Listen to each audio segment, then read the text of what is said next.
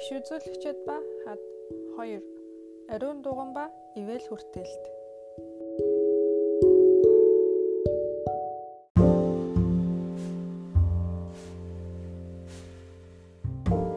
Давидын эзэнд зориулан дуган босгохыг хүссэн урт удаан хугацааны төлөвлөгөөг Соломон ухаалгаар өдөрдөн зохион байгуулж гүйцэтгэжээ. Ерүсалим 7 жилийн туршид сонгосон газрыг тэгшилж хамгаалтын урт хан хэрмийг барих, дугны өргөн суурь тавих ажлыг гүйцэтгэж буй завгүй ажилчдаар дүүрэн байв. Зассан том өнөд чулуунууд Ливаны ой модноос авчруулсан өргөн том модод гайхамшигтай дугныг босгоход ашиглагдаж байлаа.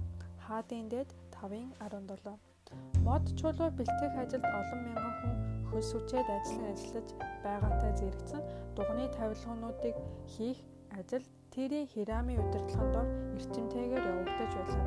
Тэрээр чадварлаг ухаантай алт, мөнгө, хөөрөл, төмөр чулуу, мод болон хөх ягаан, хүрэн улаан, час улаан өнгийн бүс даавуу, майланган даавуугаар юм хийх чадвартай хүн юм.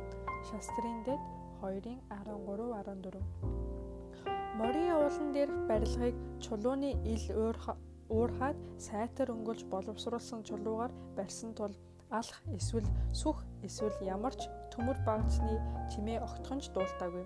Өргөөний үдсгэлэнтэй чимэглэлүүд Давидын хүүгийн зурсан зургийн дагуу бөхсрагдаж байсан ба Соломон бас Бурхны өргөнд байсан бүх зүйлийг хийсэн. Хаадын бүх зүйлийг хийсэн. Хаадын дээд 6-гийн 7, шастрын дээд 4-ийн 19. Эдгээрт ариун үнэртний ширээ, өргөлийн талхны ширээ, дэнлүүний суурь болон дэнлүүнүүд ариун ордон дахь тахилчийн үйлчлэлтэй холбоотой сав суулгах зэргүүд нь бүгд шижир алтаар хийгдсэн байлаа. Шастрын дэд 421. Чатаах тахилын ширээ 12 шар үхрээр зөөж ирсэн усан усаалга үйлдэх сав, жижиг усан угаалга үйлдэх савнууд болон бусад савнуудыг хаан Суккот ба Заретаны хоорондох шаварлаг хөрстэй Йордны хөндөд цутгаж хийв. Шастрын дэд 4.17 эдгээр тавилгууд нь ямар ч үйлчлэлд дутагдахааргүй хангалттай хэмжээгээр хийгдсэн байв. Соломон болон түүний албатуудын бурхан болон түүнийг магтан хүндэтгэхэд зориулан барьсан орд харш зөөрлөшгүй үнсгэлэнтэй бөгөөд түүнтэй чамин тансаг байдлаараа дүүцэх барилга байсангүй. Үнэт чулуугаар чиглэсэн сүр жавхлантай үүд халга, уужим зайтай хашаам, мор хурш модоор хүрээлж алтаар бүрж чимгэлсэн шаглаж хатгасан үнэтэй тансаг ханны чимэглэлүүд зэрэг нь дэлхий дээрх бурханд зориулсан амьд сүмд тохирсон бэлэгдэл байсан юм а. Энэхүү дуун нь олон зуун жилийн туршид бурхны төлөвлөж үзүүлсний дагуу аалт мөн эрдний чулуу гэх мэт эд зүйлсээр баригдсан ба ордонд зориулан уралсан мэт байсан. Энэхүү сүнслэг дууны хувьд Христ бол өөрөө булангийн чулуу нажээ. Түүний дотор бүх барилга холбогдсон эзэн доторх ариун сүм болохоор өсөж байна. Давид хааны төлөвлөж байсан дууныг түүний хүү Соломон барьж дуусгалаа.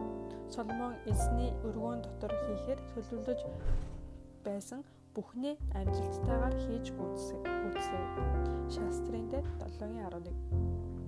Мория уулын оройг тэтэм адил чимж буй энэхүү ордон Давидын хүсэн мөрөөдөж байсны дагуу хүнд зориулагдаагүй харин эзэн бурханд зориулагдсан байхын тулд Яхова болон түүнийг магтан хүндэтгэх ариун ёслолд зориулагдсан албан ёсоор ивээгдэхэд бэлэн болсон байлаа.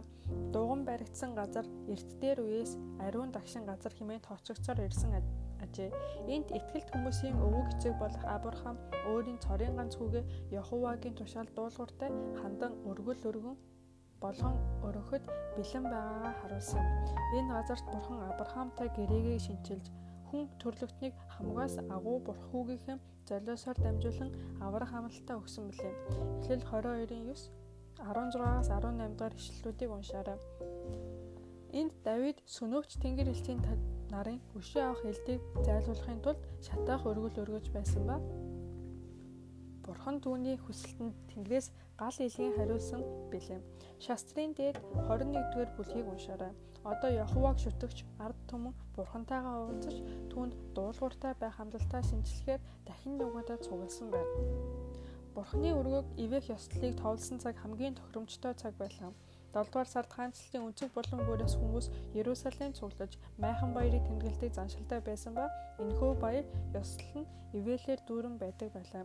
тариа хураах ажлаа дуусгаж шинэ жилийн ажил хөдөлмөрөө хараахан эхлээгүй цаг үед хүмүүс санаа зовоох асуудалгүйгээр тухайн баярын ариун баяр хөөрөөр дүүрэн уур амьсгал автагддаг байна. Израилийн ард түмэн харийн улсаас ирсэн олон тооны чөлөөлөгчтэй нэгдэн товлсон цаг хугацаанд дугны хашаанд зурлалаа. Тухайн үеийн дүр төрх Европ бусын сүр жавхлантай харагдаж байв. Соломон Израилийн ахлагч нар болон улсын хамгийн нэр хүнд бүхий хүмүүсийн хамт хотын өөр хэсгээс гэрээний авдрыг зөөсөөр үргэлжсэн ирлээ. Гибеоны оройд ирэх орших ариун ордноос эртний авар авдар хурлын майхан болон майхан дотор байсан бүх ариун сав суулгыг авчрав. Израилийн үр хүүхдүүдийн эрт дээр үеийн цөлөөр аялсан.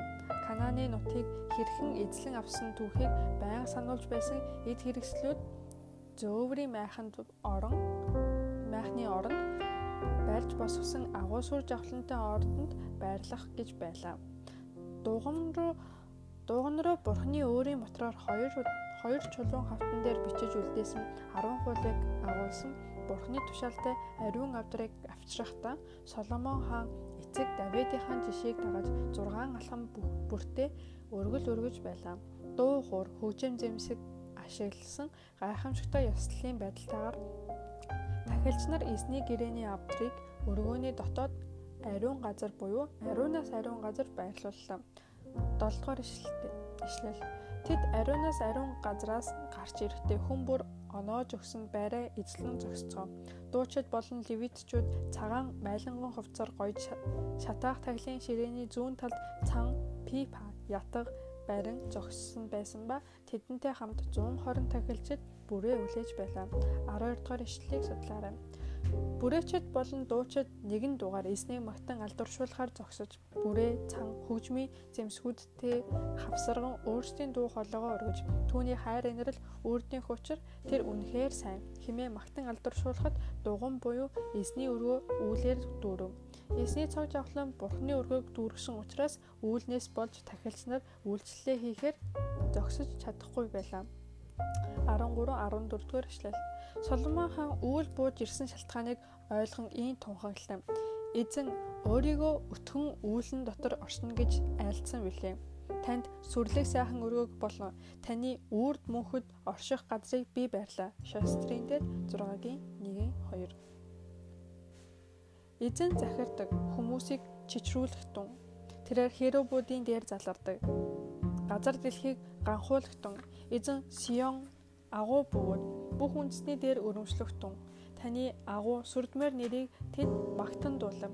Тэр бол ариун бурхны бидний бурхан эзнийг өргөмжилж түүний хөлийн гişгүүрийн өмнө мөшгөх тун. Тэр бол ариун. Дуулал 99-ийн 1-ээс 5.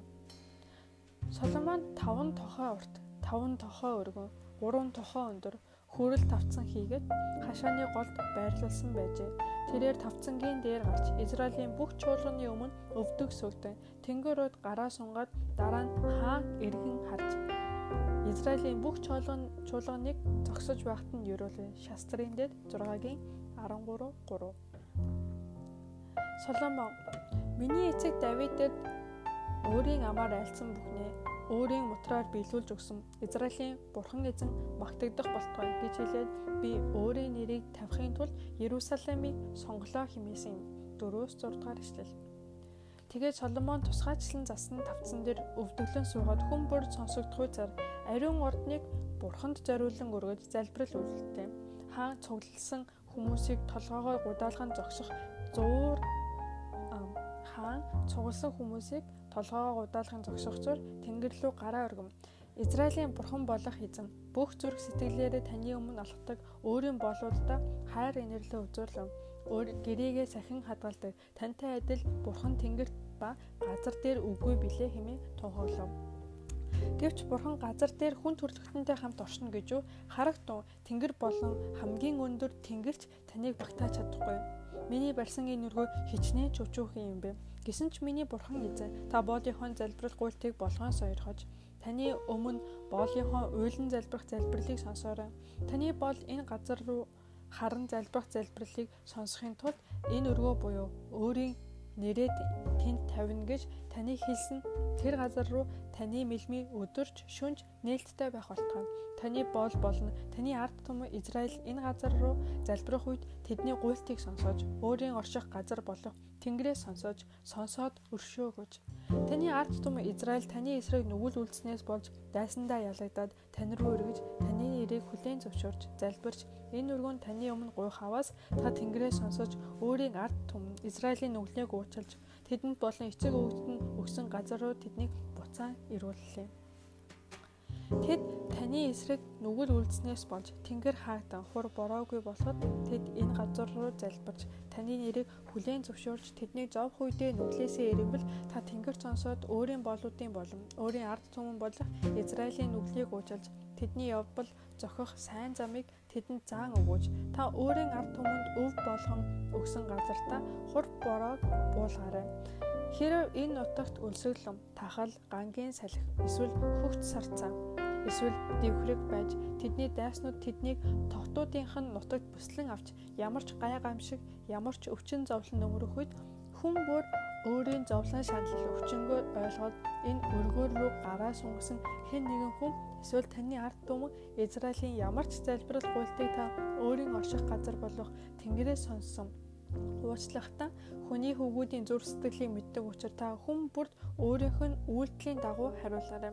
Зөвхөн та л хүний хөвгүүдийн зүрх сэтгэлийг мэддэг шүү дээ.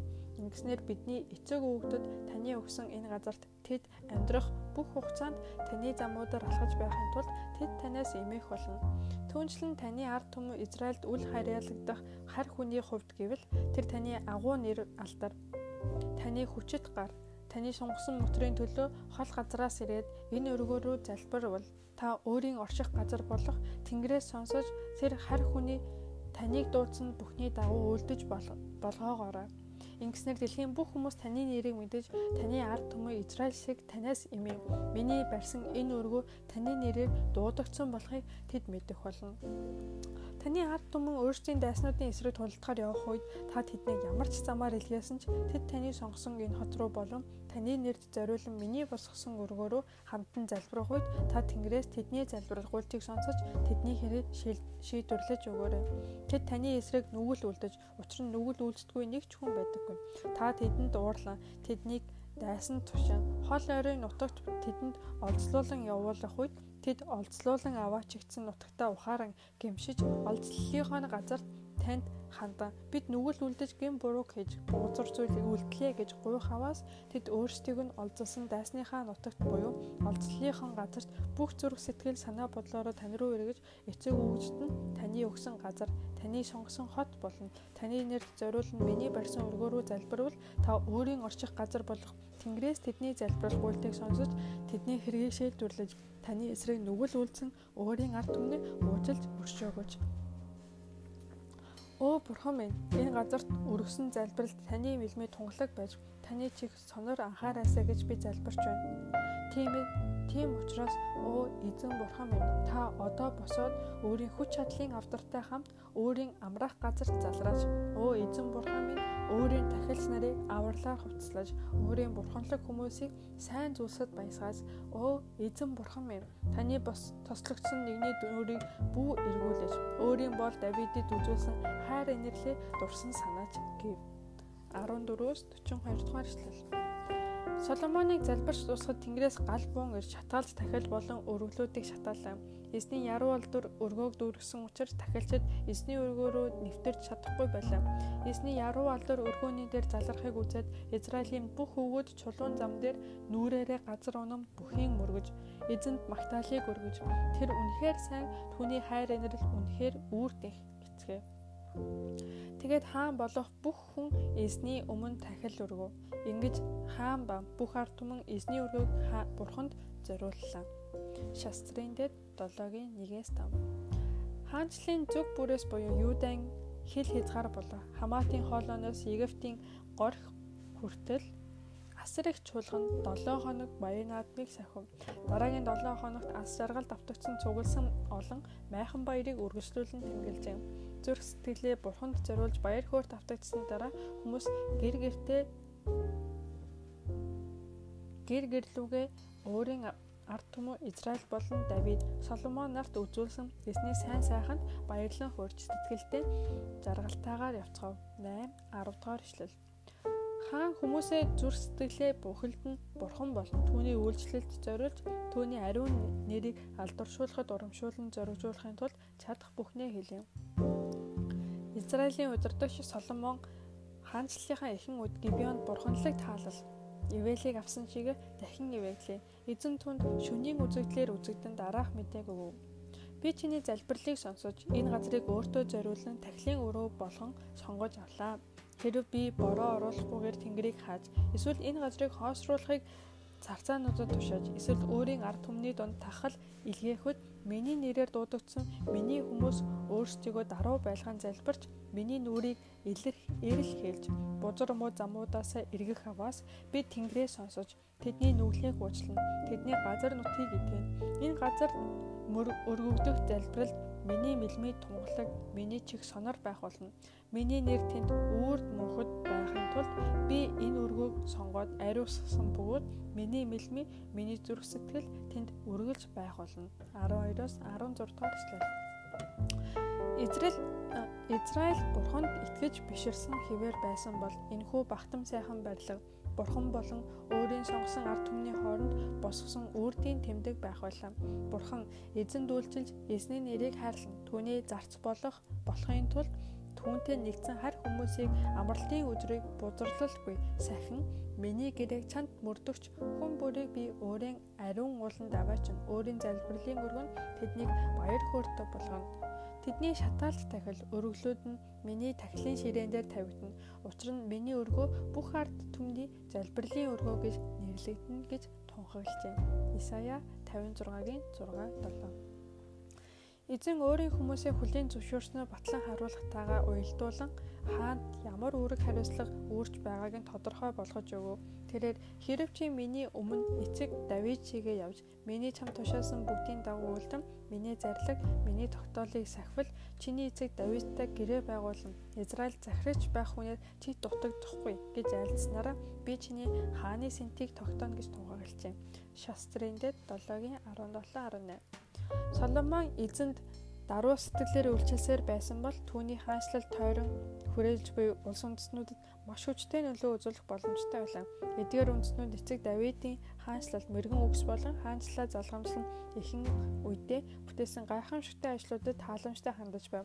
Бурхан элбэг тэлбэг элбэг дэлбэг дэлхийн алдар нэр хүндийг хүртэх үед аимшигтай уруу татлага эрхийг урдчлан харж хуурамч шүтээнд шүтэхгүй байхыг сануулж аимшигтай гим нүглийн үр дүнгуудын талаар зөгнөн хэлж байв. Израильчууд эцэг өвгдийнхэн бурхан эснийг умартан хуурамч шүтлэхийг үрчлэн авсан тохиолдолд дөнгөж сая бурханд зориулан бурханы үдсгэлэнтэй өнгөө хажуугаар нь зорчин өнгөрөх хүн бүрийн доог тохов болох болно гэж бурхан тунхагласан юм. 20 22 дугаар эшлэл. Тэнгэрээс сонссон мэдээгээр хүчтэйгээр Удирдуулсан Соломоны Израильчүүдийн төлөө залбирсан залбирал нь Бурхны чихэнд хүрсэн болохыг сонсоод зүр сэтгэл чангарч хаанчлалынхаа хамгийн алдар хүн дээр дүүрэн үедээ хүрсэн байлаа. Дэлхийн бүх хаад түүнд бараалхаж Бурхны зүрхэнд нь өгсөн бэлэг ухааныг нь сонсохыг эрэлхийлэн хүсэж байлаа. Шастрын дэд 9:23 хаадын олонх нь Соломоны хаанчлалаа хэрхэн удирдах байгааг ажиглаж хүнд бэрх асуудлаа хэрхэн шийдвэрлэх тал дээр заавар зөвлөгөө хүсэн ярьдаг байв. Эдгээр хүмүүс Соломонтой уулзгаа ирэх үед хаан бурхан бүхнийг бүтээсэн бүтээгч болохыг заа сургаж байсан ба тэд нутаг руугаа буцтаа Израилийн бурхан түүний хүн төрлөختнийг хайрлах хайрын талаар тодорхой мэдлэгтэй болцоож байв.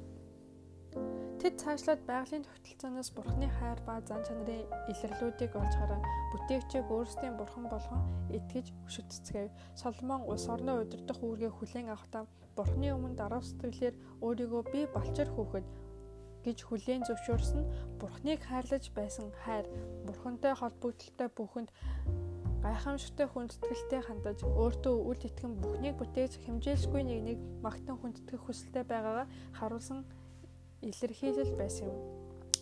Хэн бүхний бүх хүч чадлаараа олж авах авахыг хичээх ёстой эдгээр зан чанарууд Бурхны өргөөний ёслолын үед илрэн харагджээ. Соломон өргөөг Бурханд зориулан ёслон залбирахдаа даруй сэтгэлээр цөвдөн суугаад суугаад эзэнт хүсэлтэд өргөсөн юм. Өнөө үеийн Христийн дагалдагчид Бурханаас имэх хүндэтгэлтэй хандах сэтгэлээ алдахаас өөрсдөө хамгаалдаг байх хэрэгтэй. Бичээсүүдэд бүтээгчтэйгээ хэрхэн харилцах талаар зааж сургадаг юм. Бид бүтээгчтэй Тэнгэрлэг зуучдад итгэж найзсан даруй имээсэн сэтгэлээр хандах ёстой. Дуулаач инхүү өгүүлсэн юм. Эзэн бол агуу их бурхан бөгөөд бүх бурхтын дээд агуу хаан юм. Ирэх тун мөргөж бүхийн биднийг бүтээгчээсний өмнө өвдөг сүгдцгээе. Дуулал 95-ын 3-аас 6 Бид бурханд хандан хүсэлт гуйлтаа хувьчилж эсвэл олуулаа өргөхдөө түүний өмнө өвдөг сөвдөн гуйн залбирах сайхан боломжоор хангагдаж байдаг юм. Есүс бидэнд жишээ үзүүлэн өвдөг сөвдөн залбирч байсан гэж бичигдсэн байна. Үлс 9:40. Илч Паул би эзэн Есүс Христийн эцгийн өмнө өвдөг сөвдсөн гэж тухайлсан юм. Эфес 3:14. Есра Бурхны өмнө Израилийн гим нүглийн төлөө гимшиж байхдаа өвдөг сөвдөж байжээ. Есра 9:5-ыг уншаарай. Даниэл өдөр бүр 3 удаа өвдөг сүгдэн Бурхныхоо өмнө залбирал, залбиранд талархал өргөж байсан юм. Даниэл 6-гийн 10. Бурхны хэмжээлшгүй хүч чадал түүний оршихуйг мэдэрснээр бид чин сэтгэлээсээ түүнийг хүндэтгэн дээдлэх болно. Үл үзэгдэгчийг мэдрэх үедээ хүн бүрийн зүрх сэтгэл маш ихээр хөдөлж эхэлнэ. Бурхан бидэнтэй хамт байдаг учраас залбирлын цаг үе, газар маш ариун дагшин болдог ажээ. Бурхан бидэнтэй хамт байдаг учраас залбирлын цаг үе, газар маш ариун дагшин болдог ажээ. Бид гадаад байдал болон зан чанараараа бурхнаар хүндэлснээр, бурхныг хүндэлснээр, бурхны сүнсээр илүү хүчтэйгээр дүүрэх болно. Дуулаач түүний нэр бол ариун болоод сүрдмээр юм гэж тухайлсан байна. Дуулал 111-9. Тэнгэр элчнэр бурхны нэрийг дуудахдаа нүрээ далдалдаг байж юм. Тийм юм бол гим нүгэлд автагдан мөхөс болсон бид Бурхны нэрийг амаараа дуудахдаа хэрхэн хүндэтгэлтэй хандах ёстой вэ? Бурхны тусгай оршихуй буун ирсэн газарт хэрхэн хүндэтгэл үзүүлэх талаарх бичээсийг бичээсийн үгсийг хөгшин залуугүй тунгаан бодох нь маш сайн нөлөөг үзүүлэхийн дамжиггүй. Бурхан шатаж буй бургасны өмнө зогсож буй Мосед хандан Чиний зогсож байгаа газар бол ариун газар учраас чи хөлөөсөө шахаага тайл гэж альджээ.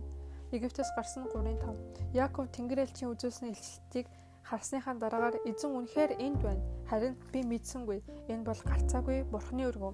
Энэ бол Тэнгэрийн хаалга байна гэж дуу алдсан юм. Эхлэл 28-ын 16 17. Соломоны бурхны өргөөний ёслолын үеэр хэлсэн үгс нь хүрлцэн ирсэн хүмүүсийн оюун ухаанаас бүтээгчийн талаар хуурам шүтлгүүдийг зайлуулах зорилготой байна. Учир нь гурван шитлгүүд нь харин үндэснүүдийн оюун ухааныг нь бохирдуулсан байлаа. Тэнгэрийн бурхан харин үндэснүүдийн бурхтуудтай адилхан хүний гараар барьсан дуганд оршдог юм. Бурханы өргөний яслалд хүрэлцэн ирсэн хүн бүртээ уулзахад сүнсээрээ хүмүүстэр буун ирдэг юм. Олон зууны дараагаар Паул үүнтэй адил үннийг бичиж үлдээсэн. ертөнцийгэд түүнд орших бүхнийг бүтээсэн бурхан бол тэнгэр газрын эзэн мөн учраас гараар боссон сүмд оршдоггүй юм. Тэр өөрөө ам амьсгал хийгээд хамаг юмсыг бүгдэд өгдөг учраас ямар нэгэн юмар дутагдсан мэт хүний гарыг тэр өөртөө үйлчлүүлэхгүй. Хүн бурхныг ирж хаах ёстой учир агаад тэр бидний хинээс нь ч холгүй байж хүмүүс түүнд хүрч түүнийг олоосоо химээсэн. Бид түүний дотор амьдарч хөдөлж оршин тогтдог. Үс 17-гийн 24-өөс 28 Өөрсдийн бурхан эзэн байдаг улс буюу өөрийнхөө өв болохоор түүний сонгосон ард түмэн ерөөлтөе. Эзэн Тэнгэрээс хардаг. Тэрээр хүний хөвгүүдийн хөвгүүдийг бүгдийг хардаг. Өөрийн оршин байгаа газраас тэрээр дэлхийн бүх оршин суугчд руу хардаг.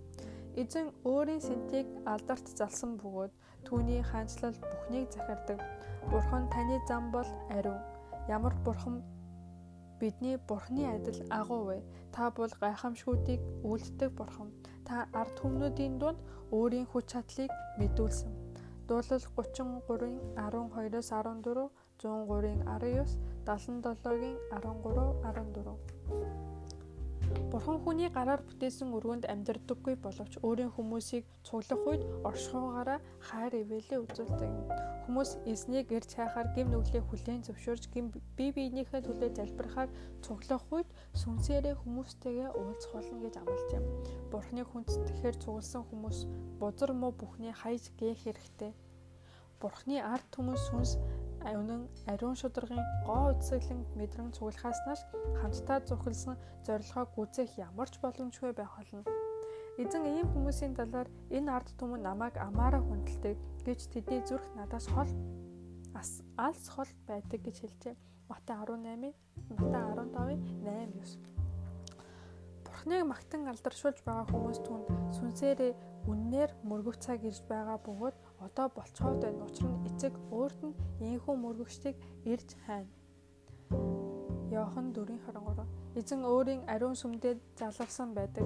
Бүх дэлхий түүний өмнө дуугүй байх болтугай. Хабакук 2:20